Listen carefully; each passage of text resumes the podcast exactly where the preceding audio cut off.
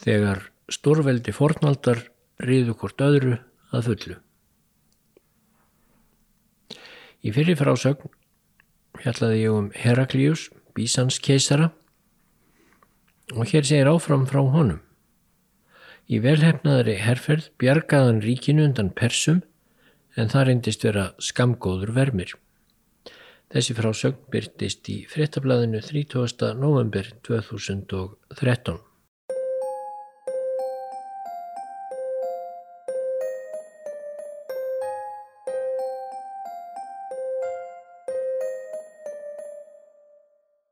Það er sama hvar bóriðir nýður í mannkinsögunni allstaðar spretta upp magnaðar sögur sem krefjast þess að vera sagðar. Í næstu frásögna á undan þessari vannst mér ekki tími til að rekja til enda flækjusöguna um Heraklios Bísanskeisara. Það var kannski ekki að undra því þar var gífurleg saga á ferð og átt eftir að reynast í meira lægi afdreifa og áhrifarík. Þar var komið þeirri sögu að Heraklius Bísans keisari fór mjög halloka gegn Kosrá Persakongi og sá síðan nefndi Persakongur virtist standa með pálmann í höndunum. Hann hafði lagt undir sig nokkur þau lönd sem höfðu allt frá því á fyrstu öld fyrir Krist tilhert Rómaveldi og síðans Bísansríkinu. Hér erum að ræða Sýrland, Egiptaland, Palestínu og eftir stóð Bísansríkið með ýmsar lendur í Norður Afríku og hér á hvar á Ítalju en það var líka illa lemstrað á Balkanskaga og jafnvel í Littlu Asíu sjálfri, þar segja Tyrklandi sem nú heitir, þar fóru persneskir herir Kosrás um eins og þeim síndist og veifuðu brindtröllum sínum í auksín íbúa í Konstantínópil. Þetta var laust upp úr árinu 620 og þá voru 150 ár síðan Rómaveldi fjall í Vestur-Evrópu. Nú virtist allt útlitt fyrir að austurlutin færi sömu leið og Persaveldi næði endanlegri fótfestu við miðjarðarhafið austanvert. Það skal reyndar tekið fram að þegar þarna var komið sögu var Bísans ríkið ekki nefnaða nafninu til Rómverst Heraklíus hafði til dæmis lagt af latínu sem ofinbert tungumál ríkisins og tekið upp grísku sem hafði reyndar lengi verið útbreytasta tungumálið í austur hluta veldisins. Latína hafði aldrei verið töluð af þorra fólks í Bísansríkinu og yfirstjettin hafði líka lagt hann af fyrir löngu en menn hafði þó puðað lengi við að nota hann áfram í henni aðstu stjórnsýslu við keisarahyrðina en Nú hafði Heraklíus sem sagt lagt það af líka og stjórnvalds ákvarðanir Heraklíusar voru festar á papírus með hinnum mjúku línum grískunnar en ekki harðaneskjulegum strykum latínulettursins. En var þetta ofsengt í rassin gripið hjá Heraklíusi? Er því grískan fljótlega úrreld líka við hellusundið þar sem Konstantín Opel stóð á rústum hinnar gömlu grískuborgar Byzantium? Myndi persneska brátt hljóma þar milli múrvækjana þegar Kossar á kongur og leiðsmenn hans breytust inn í borgina og stæðu yfir hofuðsvörðum Heraklíosar og hinnar bísönsku elitu. Já, vissulega var allt útlitt fyrir það. Heraklíos hafði fram að þessu sínti lítinn dög við varnir borgarinnar og ríkisins. Hann hlýtur að hafa hugsað öðru koru til herrar stundar þegar hann stifti fyrirrennar sínum Fókassi af stóli og Fókass hættist að honum og spurði hvort honum myndi nokkuð takast betur upp en sér við ríkistjórnina. En þessu reyttist Heraklíus, eins og ég sagði frá, svo að hann drap Fókass eigin hendi. En nú sem sagt var útlitt fyrir svo magnað klúður hjá Heraklíusi að ríkið sjálft geti valla lifað af og Heraklíus íhugaði að yfirgefa höfuðborgina og láta hana persum eftir.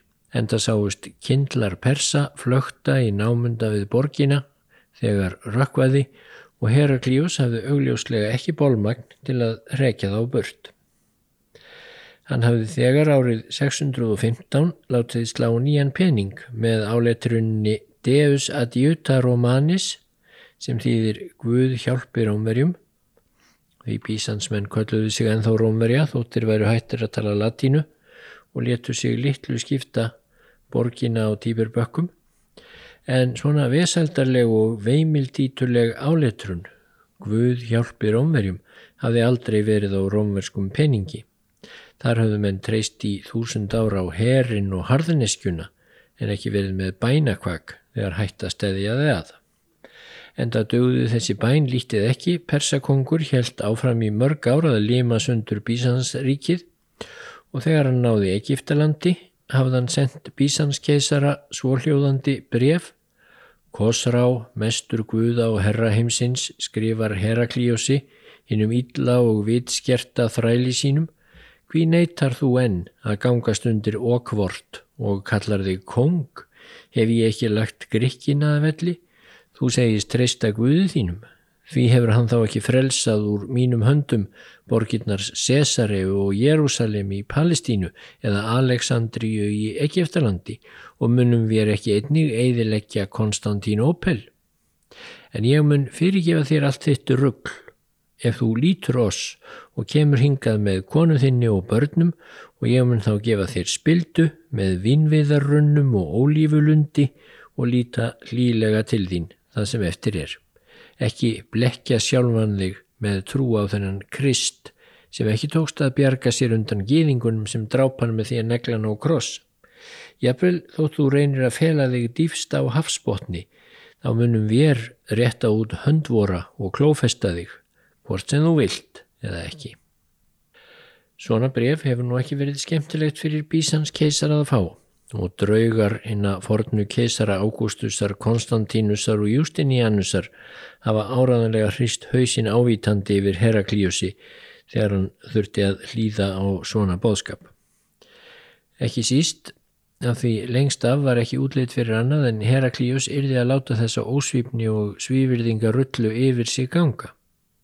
En rétt í þann mund að keisarin ætlaði að lúpast burt frá Konstantínópel og leita hælis í Karthagó í Norður Afríku, þá taldi Sergius nokkur í hann kjark.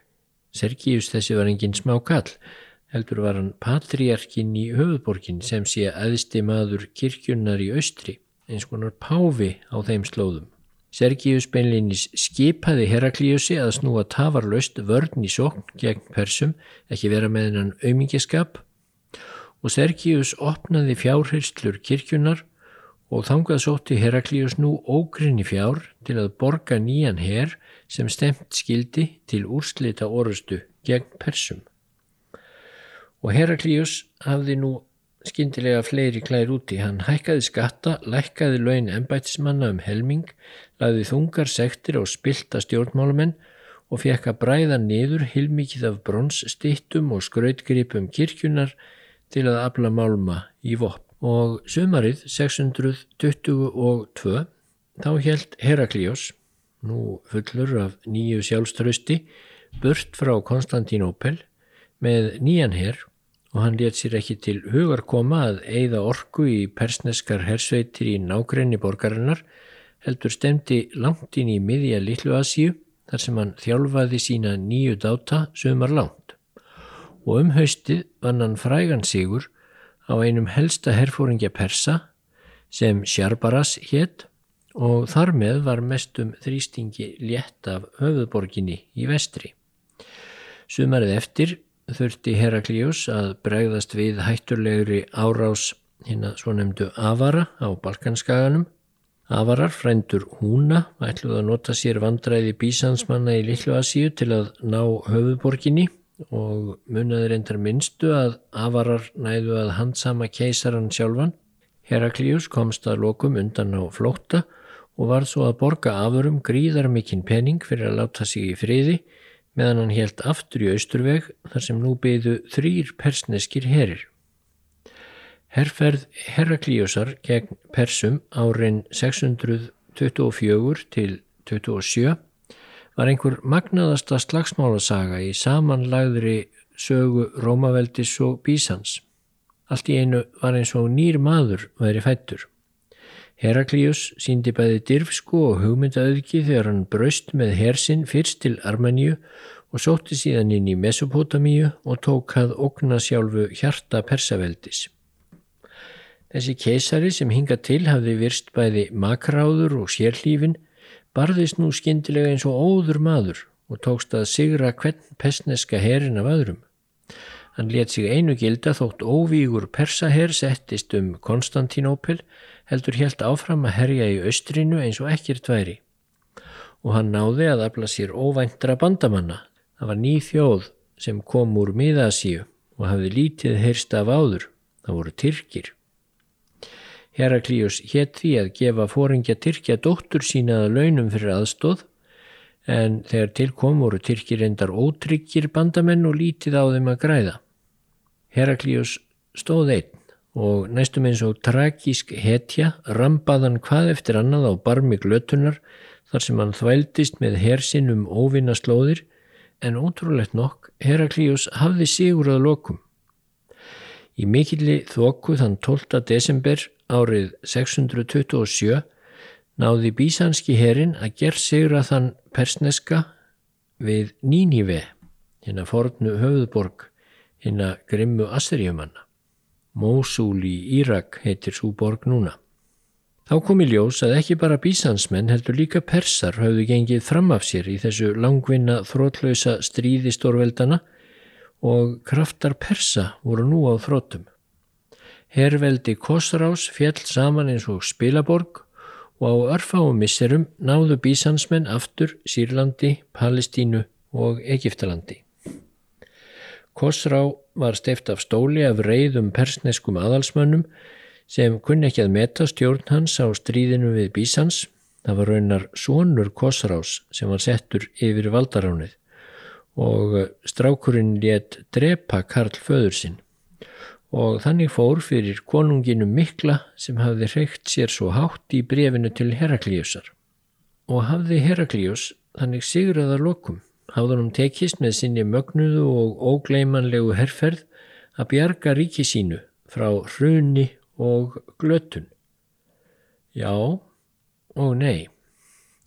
Svo örmagna var ríki hans eftir þennan harðaslag þrátt fyrir sigurinn að aðeins fáeinum árum setna höfðu bísansmenn aftur mist öll miðausturlönd en nú ekki í hendur persa fyrir ríki þeirra var gjörsamlega hrunið heldur í hendur nýrar árásarþjóðar úr þeirri óvæntu átt söðri, það voru arabar. Vopnaðir nýri trú Íslam hyrtu arabar öll miðausturlönd og Persíu af hennum örþreyttu stórveldum og gerbreyttu sögunni í leiðinni.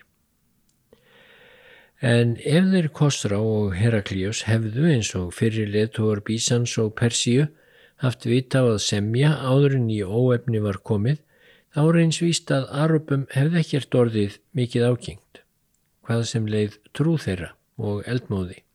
Og það er ekki víst að nokkuð hefði orðið úr trúarbröðunum Íslam yfir leitt.